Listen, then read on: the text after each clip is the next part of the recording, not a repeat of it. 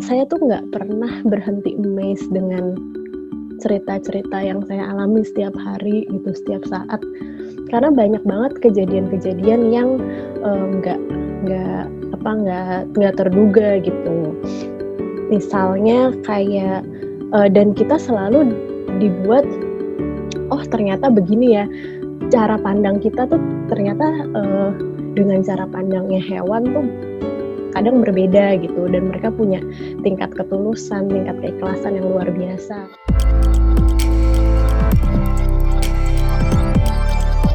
Media Keuangan Podcast.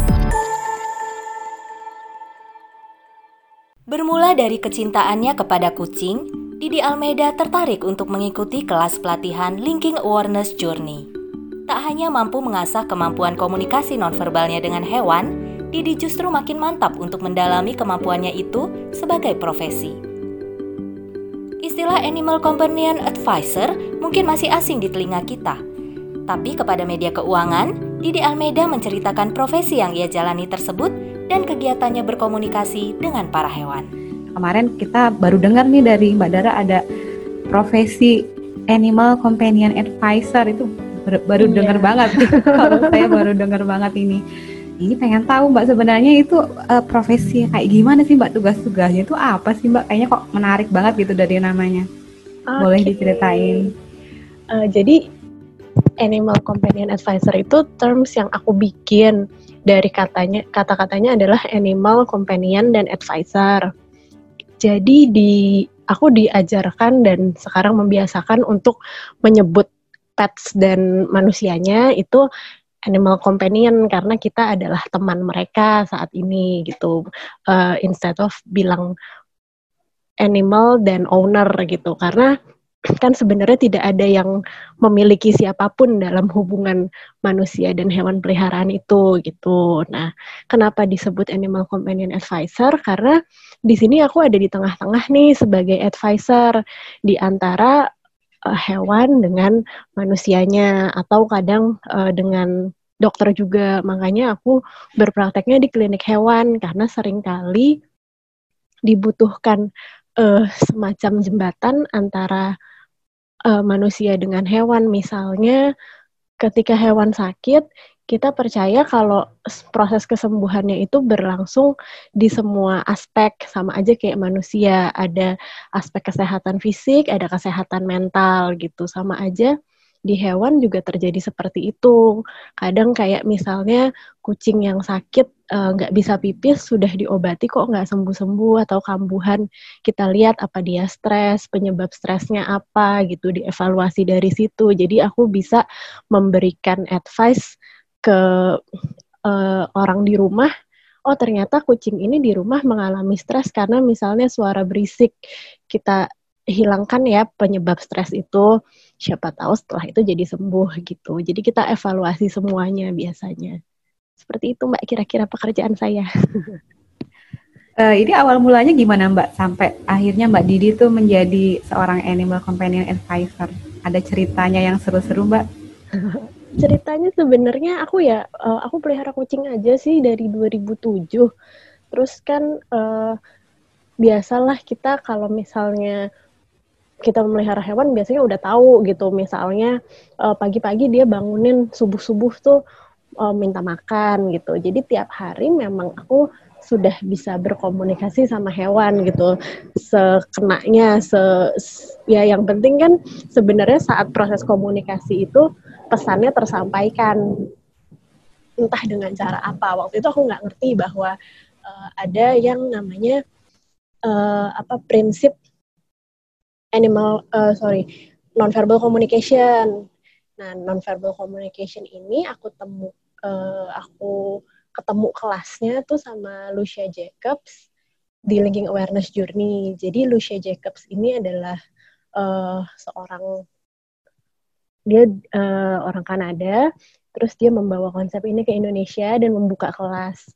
Di pelatihan itu selama tiga hari kita diajarkan untuk berkomunikasi secara nonverbal dengan hewan salah satunya. Tapi kemudian komunikasi nonverbal itu sebenarnya bukan uh, bukan sesuatu yang baru tapi kita sudah punya sejak kita masih dalam kandungan.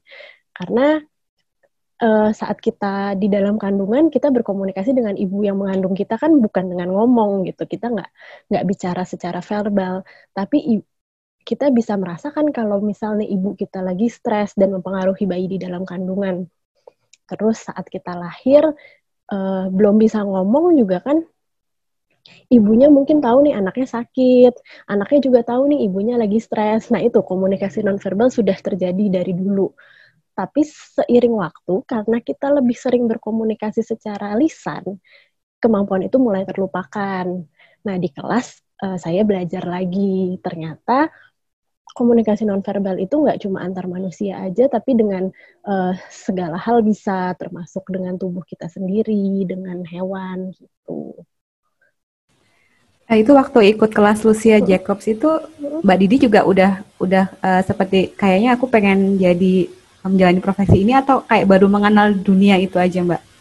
Waktu itu uh, sudah ada, jadi kalau di luar negeri itu sudah uh, sangat normal profesi seperti ini. Dia Lucia sendiri bilang di Kanada tuh ada 80 kelas yang berbeda gitu kelas komunikasi dengan hewan dengan panggilan yang berbeda-beda entah itu animal communicator, soul communicator atau apa gitu. Nah, waktu itu kebetulan ke kelasnya itu memang kelas uh, campuran ya nggak cuma orang Indonesia doang. Jadi dari berbagai negara ada. Uh, dan di Indonesia waktu itu sudah ada beberapa yang berprofesi seperti itu. Saya awalnya berangkat dari niat uh, mau membantu hewan-hewan gitu. Tapi ternyata saat mengikuti kelas kebetulan saya ikut dua program waktu itu jadi kelasnya itu sekitar 10 hari. Ternyata malah hewan-hewan ini yang menolong saya. Mereka yang sudah tahu kayak uh, saya lagi nervous, mereka akan nolong saya dulu. Waktu itu uh, ada kita praktek di kuda. Saya deg-degan banget karena saya belum pernah komunikasi sama kuda sebelumnya. Kudanya tahu saya nervous, dia suruh saya tarik napas dulu. Terus uh, saya udah tarik napas, udah tenang, baru dia bersedia membuka jalur komunikasi dengan saya. Dari situ saya amazed banget karena sebenarnya hewan itu sangat tidak egois ya. Mereka akan uh, walaupun mereka sebenarnya butuh pertolongan, tapi mereka akan menawarkan diri dulu. Kamu kayaknya uh, dalam kondisi tidak baik deh, kamu butuh pertolongan ini ya, aku bantu ya, coba begini gitu. Baru setelah itu dia mengizinkan saya menolong dia gitu. Jadi yang tadinya saya mau menolong hewan, ternyata saya yang ditolong duluan dan itu bikin saya amazed banget. Uh, Mbak boleh diceritain juga nggak Mbak yang unik-unik suka dukanya sama bertahun-tahun menjalani profesi ini? Suka dukanya uh, saya tuh nggak pernah berhenti amazed dengan cerita-cerita yang saya alami setiap hari gitu setiap saat. Karena banyak banget kejadian-kejadian yang eh, nggak uh, nggak apa nggak nggak terduga gitu. Misalnya kayak uh, dan kita selalu dibuat oh ternyata begini ya cara pandang kita tuh ternyata uh, dengan cara pandangnya hewan tuh kadang berbeda gitu dan mereka punya tingkat ketulusan, tingkat keikhlasan yang luar biasa. Misalnya kayak kucing yang uh, sudah mau meninggal, kita sering kali mikir oh dia udah menderita banget gitu. Uh, apa disuntik mati aja ya? Saya sering nemuin pertanyaan seperti itu. Mereka ternyata uh, mereka merasa sakit iya, tapi mereka tidak menderita. Kalau misalnya karena penderitaan itu sebenarnya adalah konsep yang kita punya di manusia gitu. Sementara di hewan mereka merasakan sakit iya, tapi mereka tidak yang menderita terus uh, merintih-rintih, menangis-nangis dalam hatinya gitu. Enggak, mereka ikhlas bahwa ini adalah yang harus saya alami. Kalau saya meninggal ya saya ikhlas, saya berharap keluarga saya bisa ikhlas juga saya pergi gitu. Dan misalnya mereka ditanyakan uh, apakah perlu dibantu karena banyak banget yang misalnya organnya sudah gagal terus uh, ownernya mau uh, suntik mati gitu. Mereka bilang itu bukan bantuan yang dibutuhkan tapi itu lebih kayak untuk kenyamanan orangnya aja. Bahkan di posisi mereka sudah sekarat pun mereka masih memikirkan keluarganya gitu. Nggak apa-apa kalau disuntik mati kalau membuat uh, mama saya lebih lega gitu itu nggak apa-apa gitu maksudnya ya aku paling tersentuh dengan keikhlasan mereka sih Uh, buat saya tuh ceritanya emosional banget gitu mbak. Kalau mbak Didi sendiri bisa sampai baper-baper gitu nggak mbak? Sampai berhari-hari mungkin kepikiran. Kebetulan jadi di di kelas sudah diajarkan untuk uh, ada di posisi netral karena saya memang hanya advisor. Apa pun yang terjadi itu di luar kendali saya. Jadi misalnya uh, aku udah bilang hewannya nggak perlu disuntik mati kok, terus ownernya tetap mau disuntik mati, ya nggak apa-apa. Itu juga bukan bukan uh, sesuatu keharusan, saya cuma bertugas menyampaikan aja. Jadi memang secara emosional nggak pernah terlibat dari awal sudah uh, diset untuk tidak terlibat secara emosional. Nah, iya Mbak, untuk menjadi seorang animal companion advisor ini ada kriteria khususnya nggak Mbak? Nggak ada sih, bahkan kalau di kelas linking awareness di Kanada itu ada kelas linking awareness youth buat anak-anak, ada linking awareness journey yang buat kita 18 tahun ke atas.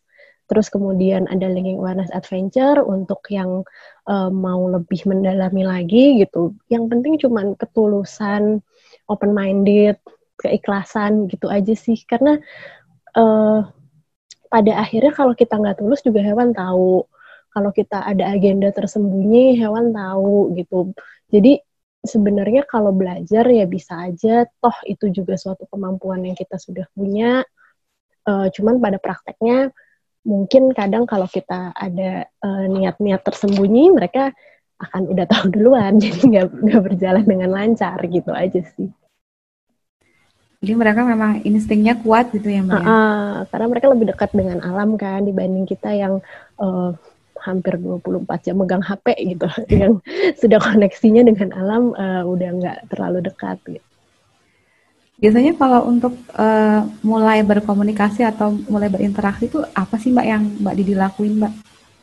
Uh, yang pertama itu yang kita diajarkan uh, untuk permission dulu. Nah permission ini ada tiga. Pertama permission dari hewannya, karena si hewan ini kita me menghormati hewan ini bahwa mereka juga punya keinginan, mereka punya uh, ke kekuasaan atas dirinya gitu. Jadi kalau hewannya tidak mengizinkan untuk melakukan sesi, saya nggak akan melakukan sesi itu. Terus ya yang kedua, yang uh, udah pasti juga permission dari si ownernya, si uh, animal companionnya. Terus yang ketiga permission dari saya karena kadang ada hewan yang mau di sesi, ada uh, orang yang minta tolong, tapi mungkin sayanya lagi sibuk atau saya sedang kurang fit, itu juga nggak bisa. Jadi yang dibutuhkan yang paling penting sih permission di tiga yang terlibat itu. Kalau selama ini dari sisi hewannya itu apakah sering menolak juga gitu Mbak? Mereka kalau lagi nggak mau ya nggak gitu? Sering yang juga. sering menolak uh, menolak benar-benar nggak mau tuh baru satu sejauh ini. Dan itu karena uh, si orangnya punya agenda sendiri gitu. Jadi kayak orangnya uh, mbak tolongin aku dong. Ini kucing aku galak banget tolong dibilangin dong biar dia nggak galak-galak lagi. Terus si kucingnya ya tersinggung kan karena itu sudah karakter dia gitu. Kayak uh, diibaratkannya tuh kalau dia bilang ke aku I'm fine dan ini berlebihan sekali uh, si mamanya ini gitu. Jadi aku dan aku uh, sampein ke orangnya mbak dia tidak mau. Kalaupun akan dibawa dia akan ngamuk-ngamuk. Karena konsultasinya kan di klinik hewan kan berarti kan dibawa dari rumah. Itu juga aku pakai permission dulu dia akan dibawa. Dia akan mengalami apa dia akan ditanya-tanya akan ketemu siapa aja gitu Nah terus pas sampai di klinik ya dia sesuai dugaan dia ngamuk karena dia nggak mau tapi uh, si orangnya tetap maksa. Akhirnya aku bilang ya udah nggak apa-apa dicoba aja kalau mau siapa tahu dia berubah gitu. Ternyata tetap ngamuk. itu yang kalau selain itu sih nggak paling misalnya uh, mereka lagi apa gitu terus uh, aku biasanya makanya janjian di klinik atau Iya sering paling sering sih janjian di klinik karena di situ aku akan menyiapkan waktu dan mereka akan menyiapkan waktu semuanya. Jadi kita kayak udah janjian duluan gitu. Iya mbak. Uh, di foto kemarin juga saya lihat ada gajah juga ya mbak ya. Mm -hmm. Itu berarti tidak hanya hewan peliharaan ya mbak, tapi juga yang binatang liar gitu ya. Mm -hmm. Itu apakah ada perbedaan mbak antara yang kita pelihara di rumah sama yang di luar sana? Ada kesulitan yang dihadapi mbak? Mm -hmm. uh, kebetulan kalau kelas linking awareness itu tempatnya beda-beda.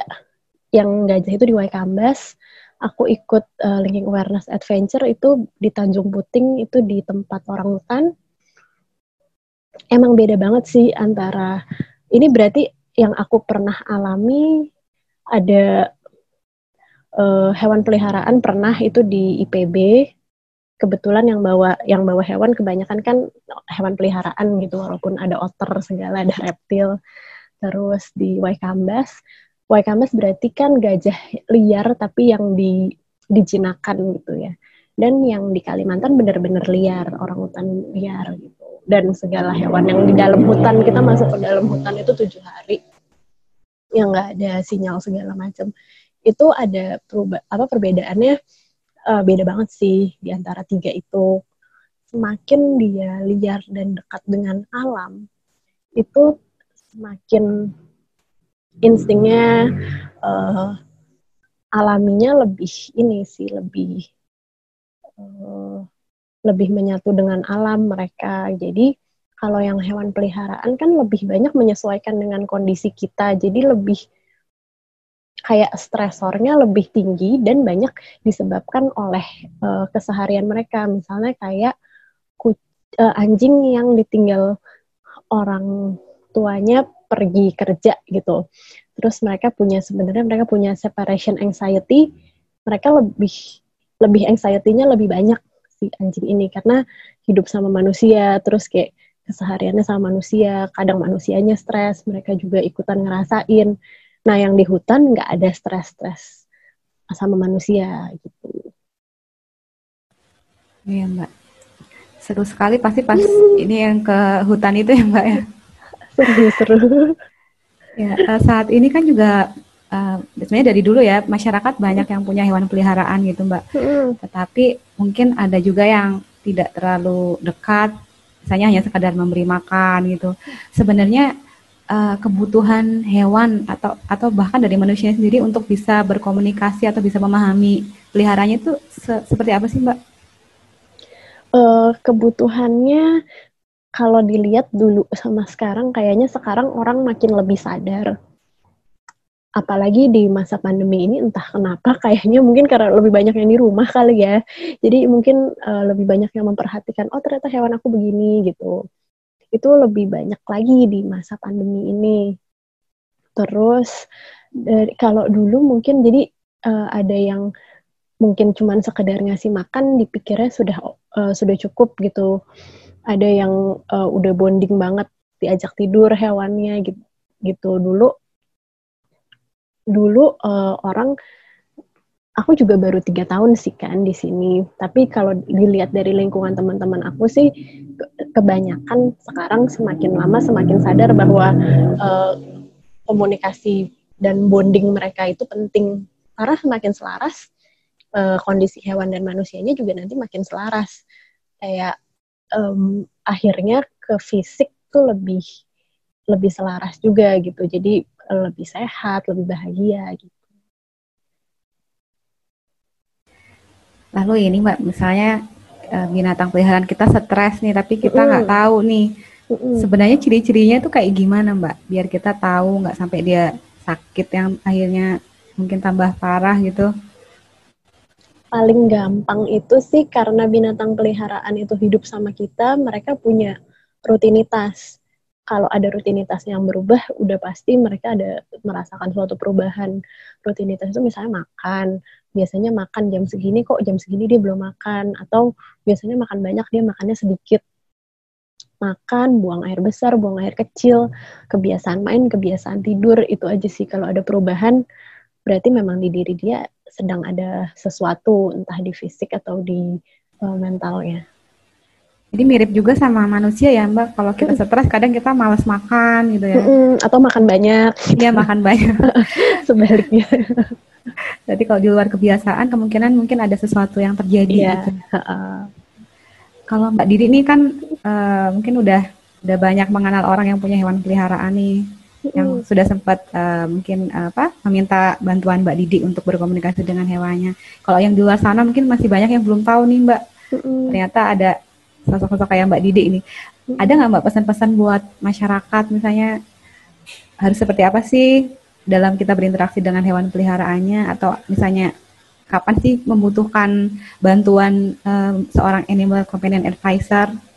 Oke, okay, kalau uh, yang paling penting sih saat kita memelihara hewan ap apa pun jenisnya, yang penting adalah uh, be responsible aja. Karena kalau kita manusia kan pasti masih punya manusia lainnya, sementara hewan yang kita pelihara mungkin kita pelihara seekor kucing atau seekor anjing, dia cuma punya kita gitu. Jadi kalau uh, yang memeliharanya tidak bertanggung jawab, ya sudahlah dia nggak punya apa-apa lagi di dunia ini gitu. Jadi yang paling penting sih harus bertanggung jawab baik secara material, secara termasuk juga secara emosional, dibangun bonding sama hewannya, diperhatikan kebutuhannya gitu dan memanage uh, tingkat stres kita juga ya biar ya sama aja lah kayak misalnya seorang bapak yang stres di kantor terus pulang ke rumah jadi marah-marah sama anaknya itu kan efeknya nggak baik ke anak-anak. Nah sama kayak kalau misalnya kita dan hewan kita ada stres di kerjaan terus akhirnya kita jadi di, berpengaruh ke rumah nanti efek buruknya juga akan dirasakan sama hewannya. Thank you.